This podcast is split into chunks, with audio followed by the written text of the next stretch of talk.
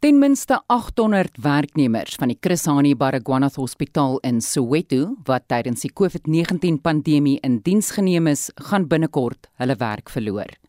Werknemers van die hospitaal het ook van dese week betoog teen haglike omwerksomstandighede by die hospitaal. Hulle beweer daar is nie kos vir pasiënte nie, dat nie regeringsorganisasies moes ingryp om hongerma vol te hou en dat mediese afval nie meer verwyder word nie omdat die departement nie die relevante maatskappye betaal nie.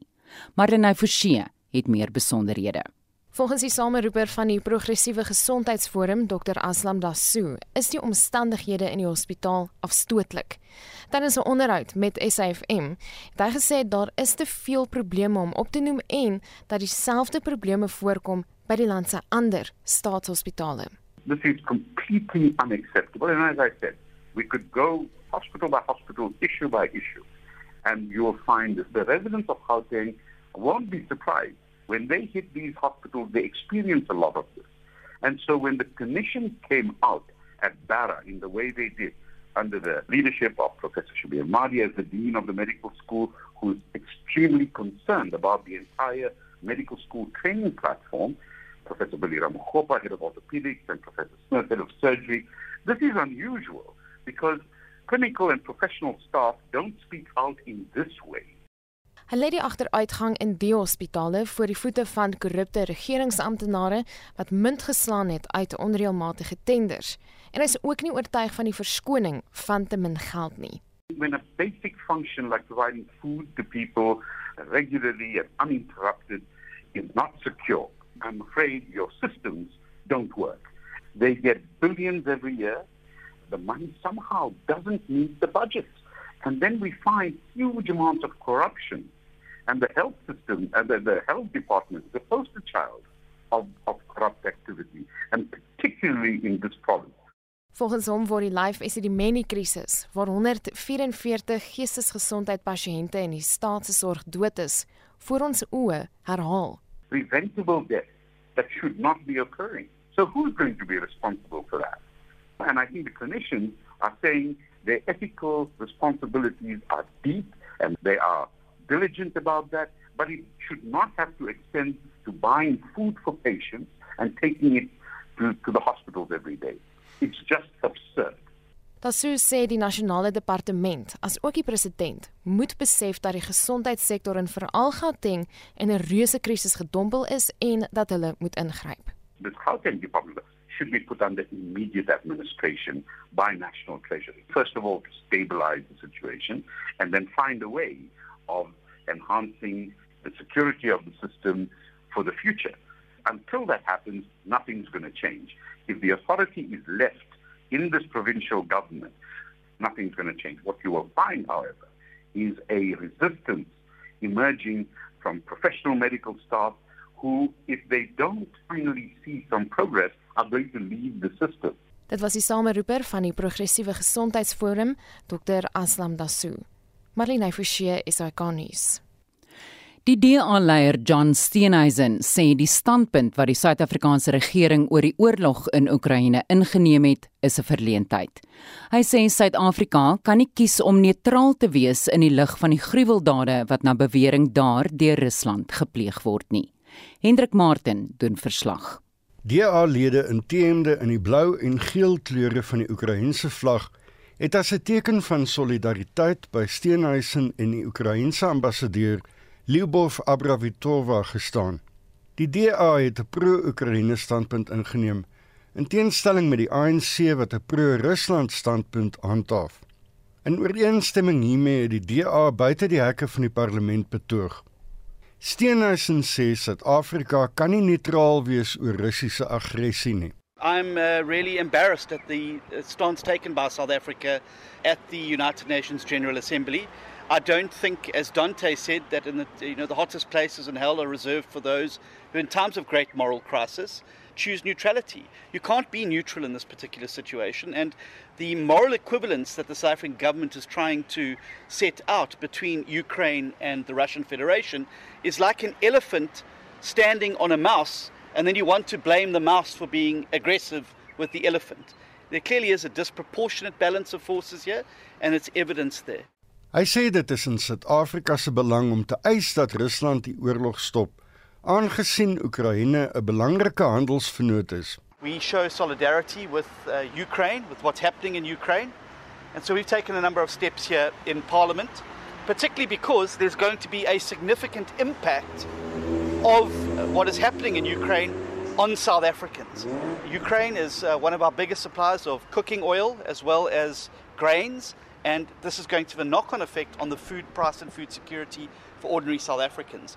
We're already seeing rising fuel prices that are going to continue to rise as a result of the conflict resulting from Russian aggression in Ukraine. Abravitova waarsku dat die besetting van haar land se kernaanlegte deur Russiese magte 'n groot bedreiging vir die hele wêreld inhou. Unfortunately, the most vulnerable would be and will be the poorest people. The poor will become poorest. You will see the security track, you will see the food security track, you will see huge humanitarian crisis. Moreover, you will see environmental catastrophe. Just remember that Ukraine has Chernobyl and has experienced bad experience of that. Now Ukraine doesn't control it. Moreover, we have a biggest in Europe nuclear plant. If these shellings are attacking our maternity hospitals, what is the difference for Russians to explode this nuclear plant? Toe Steenhuisen gevra is waarom die party nie 'n soortgelyke standpunt oor ander konflikte soos in die Midde-Ooste inneem nie, het hy gesê die twee situasies kan nie vergelyk word nie. There've been numerous debates in the parliament behind me on the situation in the Middle East. The ANC have had a lot to say about the Middle East, which is frankly outside of our sphere of influence and which has very little impact on South Africa. It is a completely different situation with Ukraine. South Africa is a major exporter to the European Union. South Africa is a major importer of Ukraine's produce, particularly grains and basic foodstuffs and cooking oil, and is going to be absolutely devastated, particularly poor South Africans, by the rising cost of food and fuel over the coming weeks and months in South Africa. Dit was die DA-leier John Steenhuisen wat daardie bydrae van Joseph Musia afgesluit het. Ek is Hendrik Martin vir SAK nuus.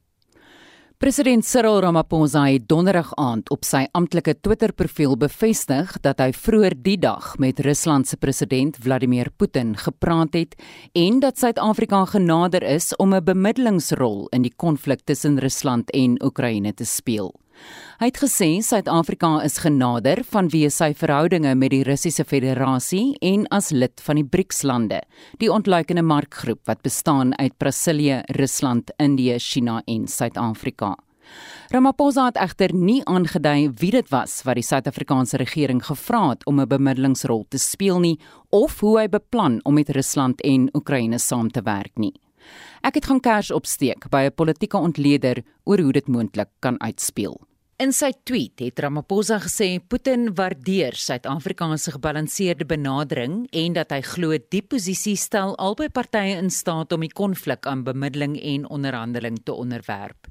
Ramaphosa het gesê hy het Suid-Afrika se posisie oor die konflik aan Putin uiteengesit en ook dat Suid-Afrika glo die konflik moet deur middel van mediasie en onderhandelinge tussen partye opgelos word indien dit nodig sou wees met behulp van partye wat 'n oplossing tot die konflik kan bied. Die politieke ontleder, Aubrey Machete, sê hy is nie verras as Suid-Afrika genader is om as moontlike bemiddelaar op te tree nie. Given his own history as a negotiator who was part of a group of negotiators who delivered South Africa's democratic dispensation. At the same time, we must bear in mind that embedded in South Africa's DNA is her capacity to resolve conflict through negotiation. Under Nelson Mandela in particular, South Africa was very strong when it comes to her soft power because what South Africa brought to the table is her moral authority. I suspect Ramaphosa is being asked because he is the president of a country that at some point had a strong reputation for its moral authority. Met verwysing na Ramaphosa se stelling dat Suid-Afrika genader is op grond van sy verhoudinge met die Russiese Federasie en as lid van BRICS, sê Machikte, die vraag is of Suid-Afrika sy verhouding met ander BRICS-lande tot sy voordeel sal kan gebruik om suksesvolle vredesonderhandelinge te kan bewerkstellig. I wrote a chapter for a book about BRICS in which I referred to South Africa as another brick on the wall, meaning that in relation to China, in relation to Russia in particular, and maybe Brazil itself, in our BRICS context, South Africa is a minnow. I suspect that Russia needs an ally who has the reputation of strong soft power informed by her moral authority. Hy sê enige bemiddelingsproses van die aard moet egter ontleed word na aanleiding van die einddoel wat vrede is. It is not enough for South Africa to have influence or to be seen to have influence on Russia. The question is whether South Africa also has enough influence on the NATO alliance. I suspect that South Africa acting on its own uh, would not have sufficient influence. But I also suspect that South Africa will rely on her instinct of operating within a multilateral context, either within the United Nations or other forums, but on her own and invited only by one party in a conflict. South Africa may not have the kind of uh, influence we assume she will have. Oekraïne se ambassadeur in Suid-Afrika, Lyubov Abravitova, het gister gesê terwyl sy enige hulp waardeer om 'n einde aan lewensverlies in Oekraïne te bring, is sy bekommerd dat Ramaphosa se oproep na Putin dui op 'n nuwe manier van mediasie. Sy het daarna verwys as 'n een eensidedige proses. Sy sê Ramaphosa het haar nie versoek om 'n oproep met Oekraïne se president Volodymyr Zelensky te reël sodat Suid-Afrika as moontlike bemiddelaar kan optree nie. Maar Chikney sê dit is vrugteloos as Oekraïne nie vertroue in Suid-Afrika het nie. South Africa must also be seen as an honest mediator by the Ukrainian authority. There must be high levels of trust for South Africa on the part of the non-Russian actors in this crisis. That is the NATO alliance and the Ukrainian authorities.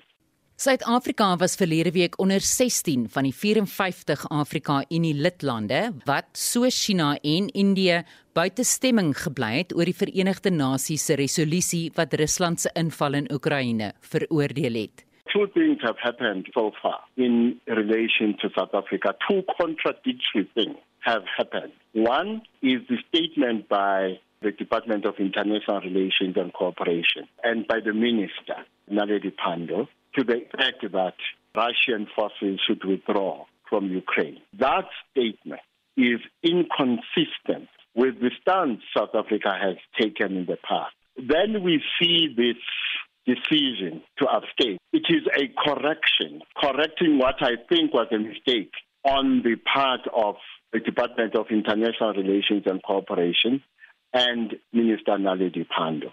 The second thing it may have been is a message to Russia that South Africa has not taken a stance to oppose Russia in relation to the Russian-Ukrainian crisis worse.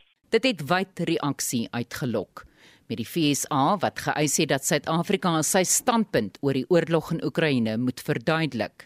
Die FSA het ook die Europese Unie se druk dat Ramaphosa 'n sterker standpunt teen die Russiese inval moet inneem, ondersteun. Machikte sê die vraag is ook of Ramaphosa as 'n individu deur wêreldleiers as 'n sterk genoeg bemiddelaar beskou sou word. We had Thabo Mbeki before him who was called upon to mediate in several conflicts. And of course, we had the colossus Nelson Mandela who could leverage his moral authority when it comes to resolutions of conflict. I have observed in the past three years, especially, how leaders of the G20, particularly key anchor states like France, the United States of America, the UK, how the leaders of those key anchor countries have tended to interact with Ramaphosa.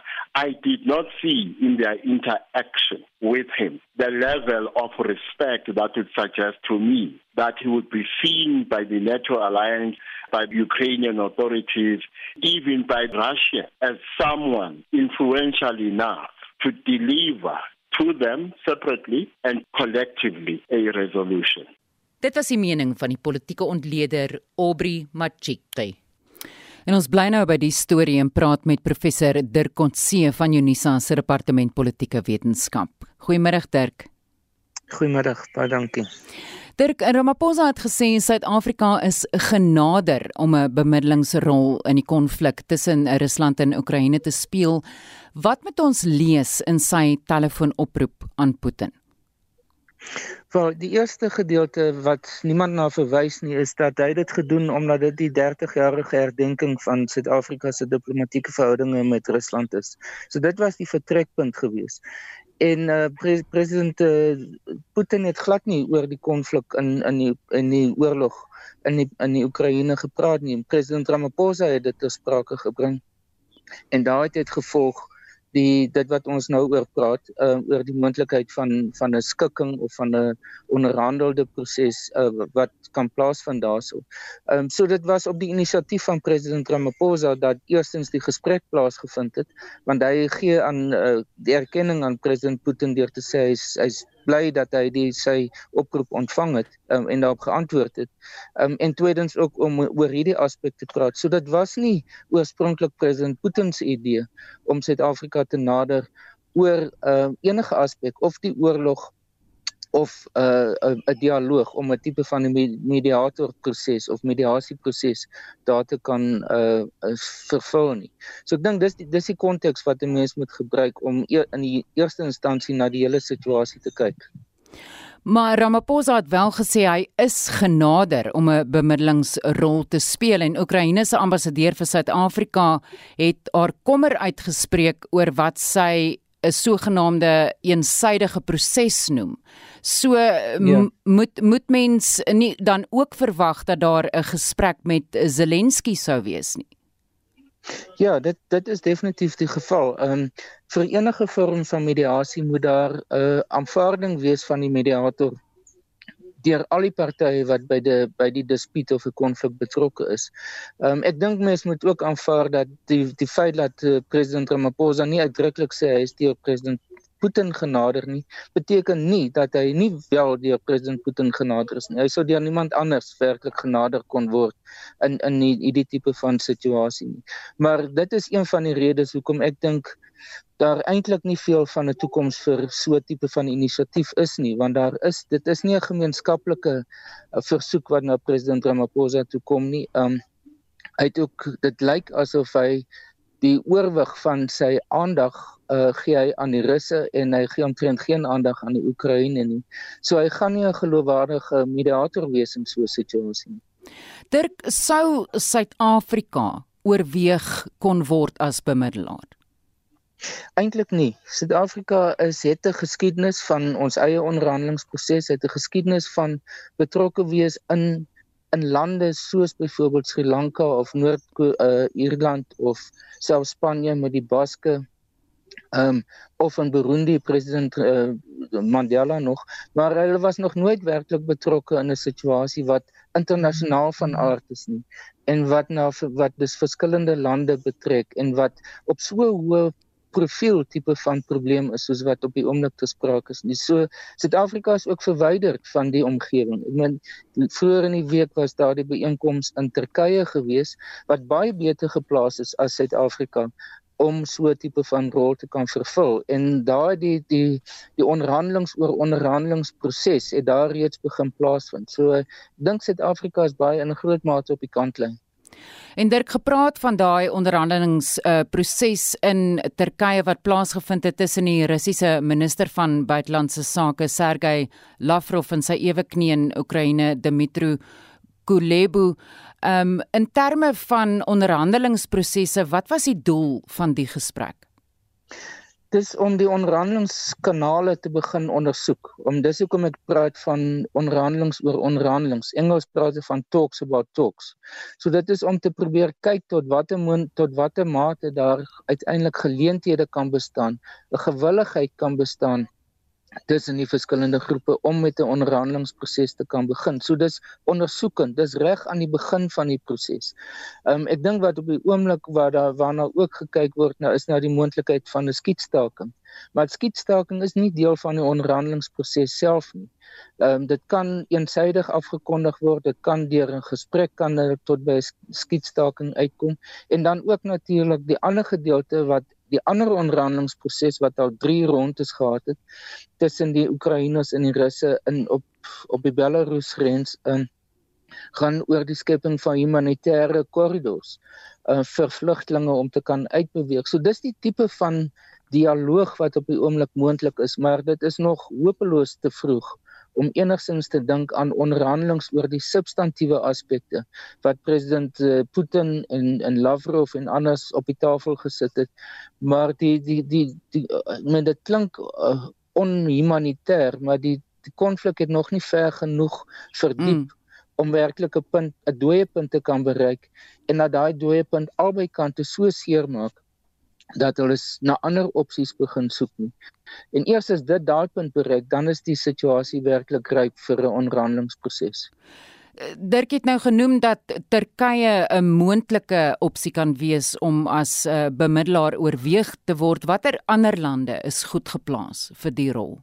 Ja, 'n ander land wat goed geplaas is is byvoorbeeld Finland. Ehm um, Finland is is het 'n baie lang grens met die Russe, het 'n baie lang verhouding met beide uh, die Russe sowel as met die Oekraïne, was naby om die omgewing Hulle ken die situasie baie goed en hulle was dwars deur die koue oorlogperiode was hulle neutraal geweest. So hulle was nie aan die ooste of aan die weste gekoppel geweest nie. Um en dit gee aan hulle in in, in geloofwaardigheid en en terselfdertyd 'n bedingingsmag as as 'n mediator wat uh, wat hulle voorspring bo die ander lande gee. Israel het ook probeer um, omdat hulle vir alle goeie verhouding met met Rusland het, maar terselfdertyd um, naby genoeg is aan die omgewing um, om om 'n belangrike rolspeler te kan wees, maar tot dusver het hulle nie werklike impak gemaak op die situasie nie. Baie dankie. Ons het gepraat met professor Dirk Kotse van Unisa se departement politieke wetenskap. President Cyril Ramaphosa het donderdag die 61-jarige adjunkhoofregter Raymond Zondo as die nuwe hoofregter aangestel. Hy sal op 1 April sy amp inneem. Ramaphosa se besluit volg na raadpleging met die regterlike dienskommissie en leiers van partye in die nasionale vergadering oor vier benoemde kandidaate vir die amp as hoofregter. Die kommissie het verlede maand onderhoude met die kandidaate gevoer. Die regter-president van die Appelhof, regter Mandisa Maya, is as adjunkhoofregter aangestel. Die regterlike wagondgroep Judges Matter het sy verwagtinge vir die nuwe hoofregter uiteengesit en gesê 'n hervorming van die regtelike dienskommissie is lankal te wagte. Alison Tilly is die koördineerder van Judges Matter. I think the worrying precedent that was set was the JSC overstepping its role and instead of advising the president on what it thought of the different candidates, it decided to rank the candidates. Which I think was never a part of their job and something they really should have thought more carefully about. It's a decision they only made hours before they had stopped interviewing candidates. They literally did not make that decision on how they were going to proceed before they interviewed candidates. So I, I think it was a mistake on the part of the JSC, and you know, one one hopes that they'll take that into account the next time that this happens. I think the reform of the JSC is, is overdue. Some of the reforms can be put in place by the new Chief Justice, and there can be a discussion about how the JSC does its work and what criteria that it will use going forward. There's longer term issues which would need legislative and constitutional change, but those are things that can only be done in the longer term. En dit was die koördineerder Judges Matter Allison Tilly. Intussen sê die EFF regter Zondo se aanstelling as hoofregter is kortsigtig. Die woordvoerder van die EFF, Leanne Matthys, sê onder regter Zondo se leierskap sal die konstitusionele hof ingespan word om politieke opponente te beveg. The Economic Freedom Fighters rejects the short-sighted, factional and uninspired decision by Cyril Ramaphosa to appoint acting Chief Justice Raymond Zondo as the next Chief Justice. It can be described as a reward for treating Ramaphosa with kids' gloves at the Commission. Both Ramaphosa and his son have not been implicated in the State Capture Commission reports. His appointment effectively means that the capture of our judiciary has been completed. The judiciary has been stripped of its integrity, independence, and objectivity. The highest court in the land will be turned into an instrument to fight political opponents. En dit was die woordvoerder van die EFF, Leanne Matthys. En ons bly nou by die storie en praat met die dekaan van Geesteswetenskappe aan Akademia, professor Pieter Dievenage. Hallo Pieter. Goeiemôre Estie. Pieter, baie kritiek is teen die regtelike dienskommissie uitgespreek na afloop van die onderhoude wat gevoer is met die vier kandidaate vir die ampas hoofregter. Maar kortliks, eh, kom ons kyk net gou wat is die funksie van die regtelike dienskommissie? Ja, die funksie is dat eh uh, dit volgens artikel 178 van die grondwet daar is om die regering te adviseer oor aanstel van regters. Eh uh, jy weet, so die ehm um, kommissie kan aanbevelings maak. Dit moet ook kyk natuurlik na regter se oortredinge. Dis nou iets anders wat nie vir vandag se gesprek is nie en dan moet hulle advies gee aan die regering oor die hele regstelsel en die funksionering en die administrasie van die regstelsel en dit bestaan uit 23 lede ST waarvan die meerderheid nie politici is nie daar's net 4 politieke lede direk van die partye en daarom was dit vir my 'n bietjie wat sal mense sê onverkooklik om te sien hoe het die regtelike dienskommissie, jy weet, gevaar toe hulle die vier kandidaate onderhoude gegee het. En mense sou verwag dat die regtelike dienskommissie moet 'n kundige, professionele 'n liggaam wees, jy weet, wat geskei is van die politieke proses volgens die beginsel van magskeiding in 'n konstitusionele demokrasie, maar die algemene indruk was dat dit 'n bietjie van 'n sirkus was, jy weet, die die hele gebeure rondom die regtelike dienskommissie en uh hopelik kom daar nou 'n bietjie meer soberheid. Pieter, die kommissie se aanbeveling aan Ramaphosa was dat regter Mandisa Maya as die hoofregter aangestel moet word.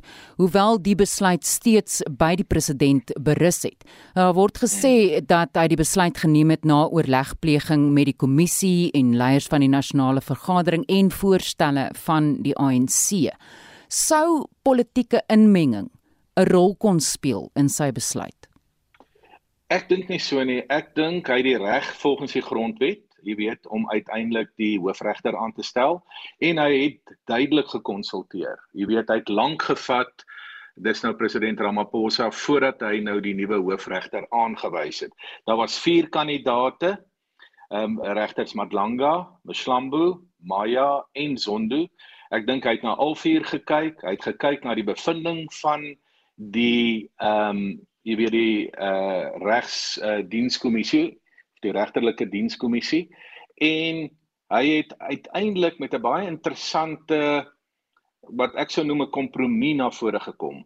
En dit is dat hy Zondo aangestel het as hoofregter en Maya wat die kandidaat was van die RDK uh as die visie hoofregter. So in 'n sekere sin het hy geluister na die RDK, maar hy het ook sy reg volgens die grondwet gebruik na konsultasie om Zondo as die hoofregter aan te stel. Pieter, dink jy regter Zondo se aanstelling as hoofregter gee vir Ramaphosa 'n hefboom om die politieke situasie wat op die oomblik in die land uitspeel te beïnvloed? Ek sê jou so antwoord Estie, ek dink direk gee dit nie vir hom 'n hefboom om die politiek uh, aan te spreek nie of te beïnvloed nie. Indirek ja. Kom ek verduidelik.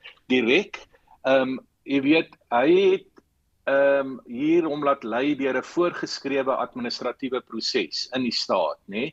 Die regterlike dienskommissie voer onderhoude, hulle maak 'n aanbeveling, maar hy die finale sê, tog het hy hierdie finale beslissing van hom ehm um, baie duidelik met goeie ruggespraak uitgeoefen. Hy het geluister uh na verskeie mense en sy besluit soos ek nou net vroeër ook gesê het getuig van 'n kompromie. So ek dink nie met die aanwysing van hoofregter Zondo is hier nou 'n hefboom om die politieke situasie in die land te beïnvloed nie. Indirek sou ek sê ja, want Zondo ehm um, saam met hom teen die staatskaping en teen korrupsie. So daar is indirekte lyne. Maar beide uh hoofregter of aangewese hoofregter Zondo sowel as president uh, uh Ramaphosa werk in 'n baie moeilike stelsel van kragte en teenkragte.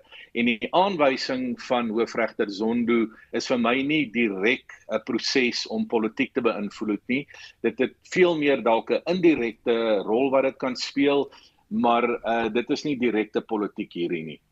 En gepraat nou van daai indirekte rol waarna jy nou verwys, sou jy sê Ramaphosa het Zondo nou nodig om sekere oogmerke deur te voer. Ehm um, nee, soos ek gesê het, kyk, ehm um, hierdie aanstelling is nie 'n aanstelling om president Ramaphosa se posisie direk te versterk nie. Ehm um, jy mens moet ook aanneem dat uh ehm um, hoofregter Zondo toon 'n groot mate van onafhanklikheid. Ehm um, en alhoewel hy indirek uh jy weet uh steeds uh van die staat afhanklik sal wees. Ehm um, en aangesien ek dink die groter vraagstuk vir my die is eerder hoe gaan dit met die hele regstelsel? Eerder as die aanstelling van hoofregter Zondo. En daar sal ek 'n verskillende antwoord aan jou gee. Ek dink president Ramaphosa het so neutraal as moontlik 'n hoofregter aangestel. Ehm um, as mens direk na die saak kyk, indirek kan daar steeds politieke implikasies wees, maar vir my is die groter kwessie die uh, toenemende politisering van die Suid-Afrikaanse regbank wat effens op 'n ander plek lê en hopelik sal beide president Ramaphosa en uh, regter Zondo hierdie ding aanspreek en dit is dat ons um, hele regstelsel so onafhanklik as moontlik volgens die beginsel van die skeiding van mag uh, moet funksioneer. Baie dankie. Ons het gepraat met die dekaan van Geesteswetenskappe aan Akademia, professor Pieter Dievenage. Dis nou net so 37 minute oor 12 jy luister na Naweek Aktueel en die parlement sal na verwagting vanjaar verskeie belangrike wetsontwerpe onder oë kry wat kwessies soos grondonteiening en die moontlike inwerkingstelling van die nasionale gesondheidsversekeringsplan insluit. Inligting deur die parlementêre moniteringsgroep dui daarop dat daar tans 50 wetsontwerpe voor die parlement dien. Altesaam 21 wetsontwerpe is verlede jaar deur die parlement goedgekeur. Die wysigingswetsontwerp op basiese onderwyswette is een van die belangrike wetgewingskwessies wat onder die oor die volgende paar maande oorweeg sal word. Ons praat nou hieroor met die uitvoerende hoof van FETSAS, Jaco Deeken. Hallo Jaco. Goeiemôre Gestie. Ja, dit is nie die eerste keer dat ons oor die wysigingswetsontwerp praat nie, maar kom ons verwys net na enkele aspekte wat aangeraak word. Lyfstraf is reeds lankal taboe in skole. Um, en en andersins, maar watter nuwe voorskrifte hieroor word in die wetsontwerp voorgehou?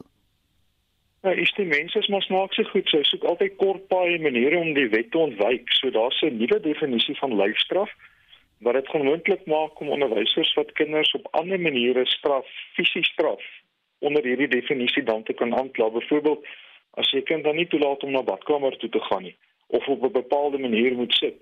Ehm um, of in 'n knielposisie of 'n hurkposisie en so meer as 'n straf gaan dit net deel wees van van lyfstraf. So onderwysers gaan baie mooi moet dink. Dis een van die aspekte wat positief is. Dan 'n baie positiewe aspek is die vooruitsig dat die skoolgaande ouderdom van ouderdom 7, die jaar wanneer 7 word skoolpligtig word, uh, word dan nou die voorstel is dat afgeskei word na die jaar wanneer 6 word. Met ander woorde, die graad R fase waar word dan nou formeel deel vorm van die van die skoolstelsel. Dit beteken 25000 nuwe onderwysers wat in daai fase gaan mm. werk. Nou word bietjie meer gekyk na die definisie van 'n lening, weet jy, vir skole dit makliker te maak operasioneel uh, om om transaksies aan te gaan sonder elke keer goedkeuring te kry. So nee, daar daar is 'n heel party positiewe aspekte. En dan Jaco, daar's ook verdere voorskrifte oor tuisonderrig. Uh, hoe verskil dit van die huidige wetgewing? Ja, ek dink die die tuisonderrigsektor veral na Covid is daar versekerde groei en baie ouers het sterker na die opsie begin kyk of gesien dit is vir hulle haalbaar. So ek dink hierdie wysiging is 'n belangrike wysiging vir daardie sektor waar daar meer regulasies gaan inkom oor hoe gaan dit werk. Behalwe dat ek geregistreer moet wees of die lewer geregistreer moet wees, moet die departement seker wees dat die ouer oor die vermoë beskik om dan hierdie tuisonderrig te kan gee dat hulpbronne en hulpmiddels gaan wees maak dit vir die departement moontlik om op 'n meer gereelde basis te kyk of is hierdie kinders ook op standaard. Ehm so vir vir van die mense in tuisonderrigstelsels is dit dalk 'n skok want dit is nie heeltemal meer onafhanklik nie. Maar vanaf die staat se kan ek kan ek dit ook verstaan want daar is grondwetlike plig op die staat om seker te maak die leerders ontvang behoorlike onderrig of jy dit tuis ontvang of in 'n skoolstelsel. En dan Jaco beheerliggame is bekommer dat die wetsontwerp van hulle funksies of bevoegdhede kan wegneem. Wat presies is julle bekommernis? Nou, ek sê bekommernis van baie oor oor taal en toelating wat die wet nou eksplisiet of die voorstel is wat die, die departement die finale sê van nee, oor die taal en toelatingsbeleid dat die skool en beheerliggaam dit moet instuur en dan nou uh, goedgekeur moet word. Ehm um, so die oomblik wat daar meer aan politici meer seggenskap kry en die staat meer seggenskap kry, daaroor is ons altyd bekommerd want ons glo maksimum autonomiteit vir vir jou vir jou beheerliggaam. Die dieselfde drakoniese bepalinge ook as 'n skool gesluit sou word of 'n nuwe skool daaruit sou ontstaan. Dat die staat sou besluit wat die naam van die nuwe skool gaan wees en dit dryf eintlik in teen die beginsel van openbare skole waar gemeenskappe die eienaarskap moet aanvaar. Dan is ons ook bekommerd oor 'n sinnetjie wat ingekom het dat almal wat 'n beheerliggaam moet dien nou vir hulle finansiële uh lewe basis moet bloot lê. Uh, as ook die van jou gade of jou lewensmaat. En ek dink dit gaan baie mense afskrik en professionele mense afskrik. Uh ek dink ons verwagting is presies dieselfde vereistes word nie eens aan die parlement gestel nie. Nou gaan dit in 'n oorgestel word tot beheerliggaam dien en ek dink dit is onnodig. Baie dankie. Ons het gepraat met die uitvoerende hoof van Fetsas Jaco Deken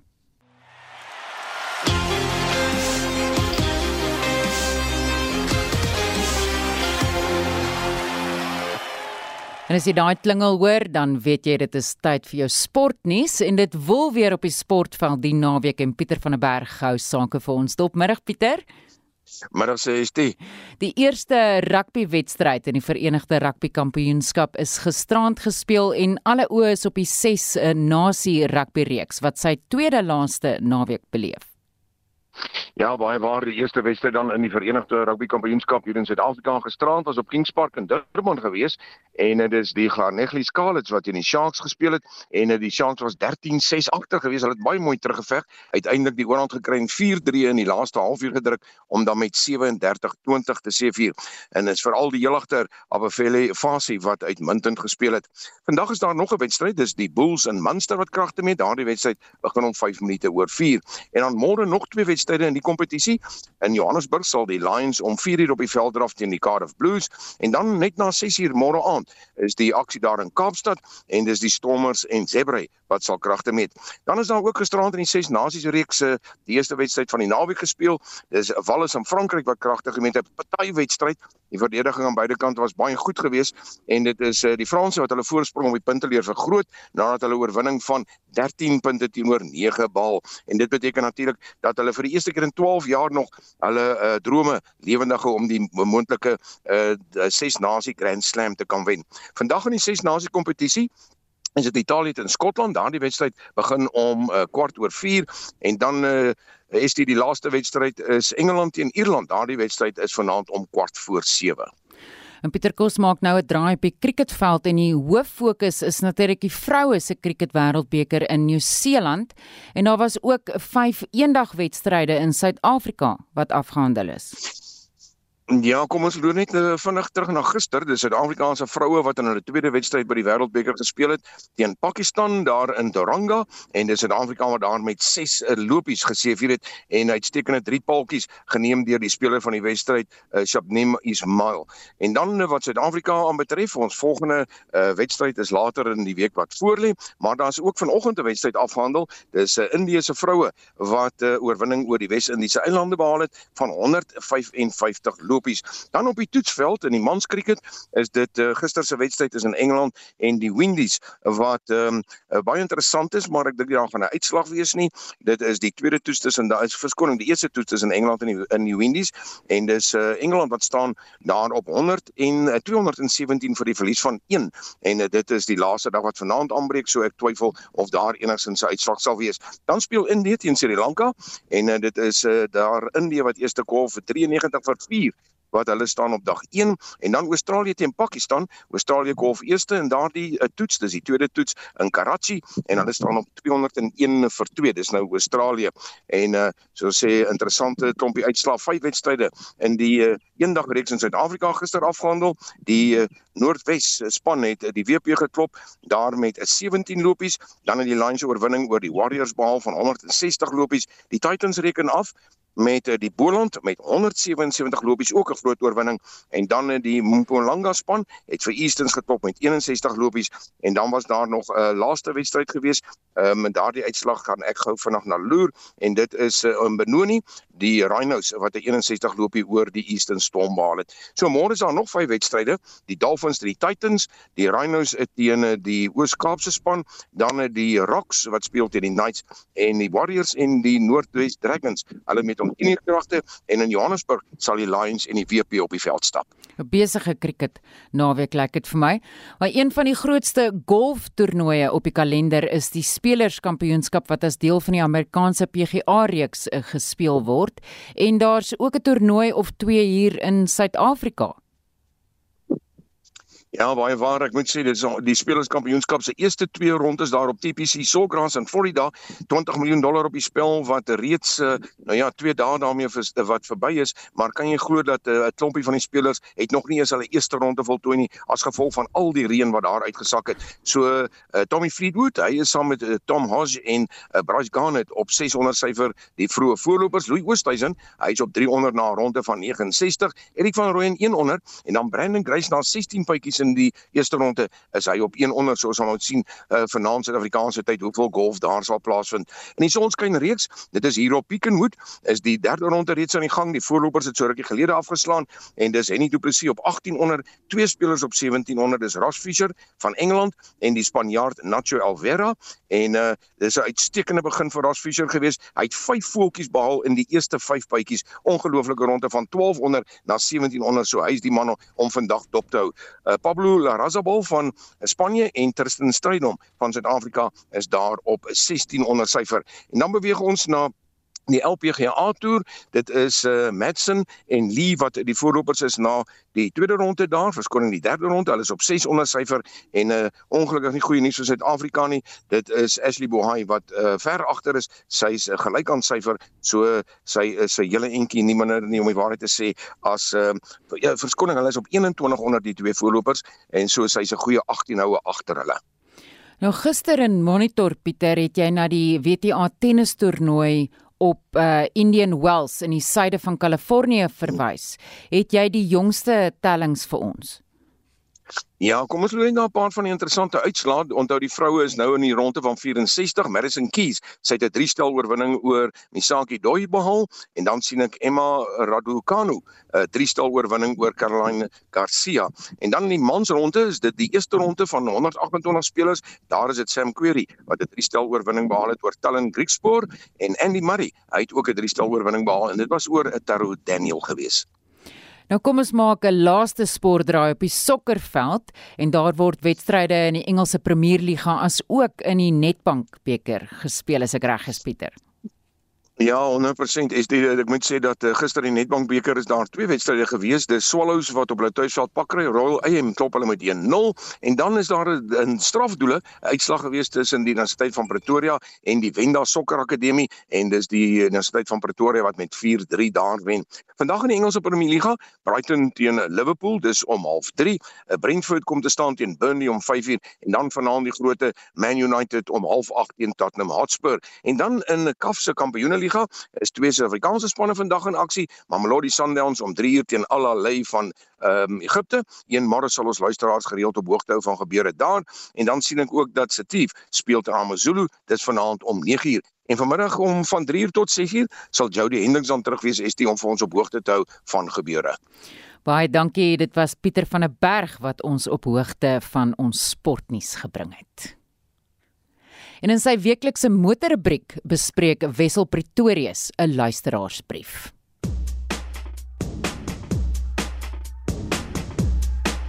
Ek het laasweek gesê ek evalueer die Land Rover Defender 90 vandag. Maar ek het intussen 'n desperate brief ontvang van Walter Olofse van Matatiel in die Oos-Kaap. So die Landy se toets word volgende Saterdag uitgesaai. Vandag eers Walter se brief Hy skryf uit 'n ouer geslag Honda Belaat 1.5 handrat wat nog 'n vergaser het.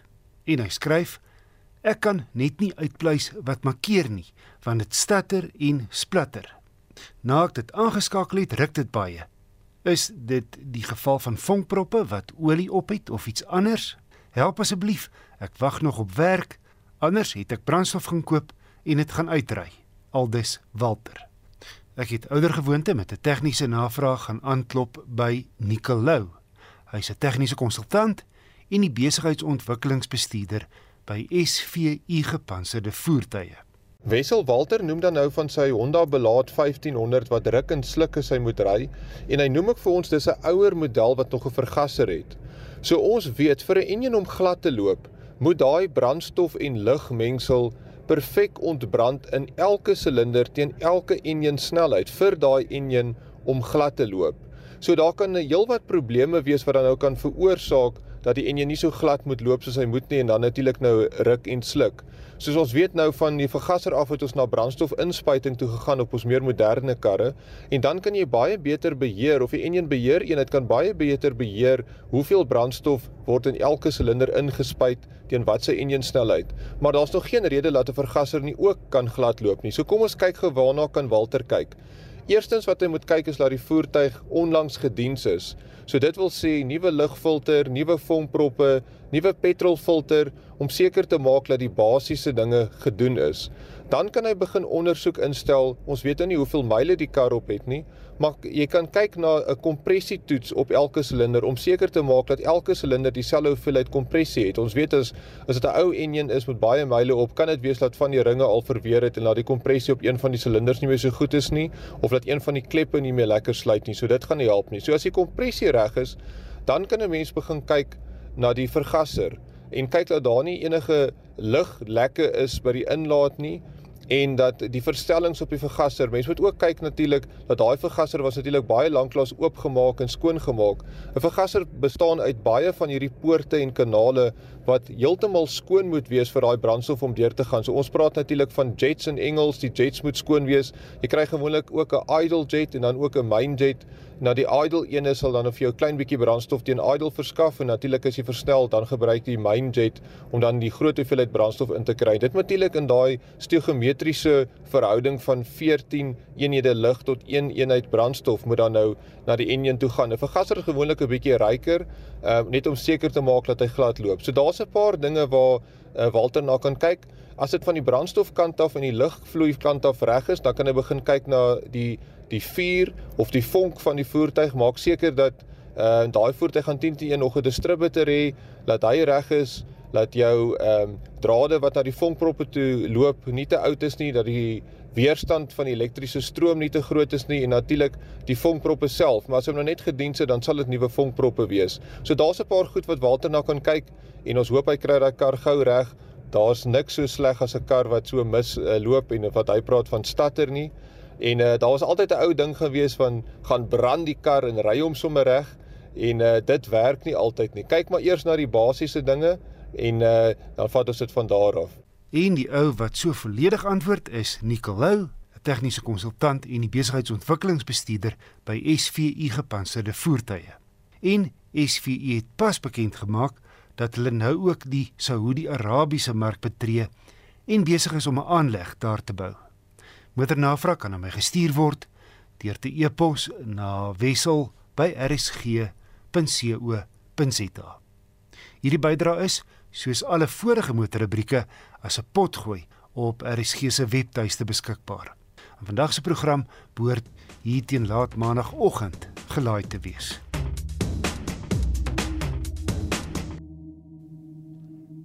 En dit was 'n uh, eh, Wessel Pretorius met ons weeklikse motorrubriek.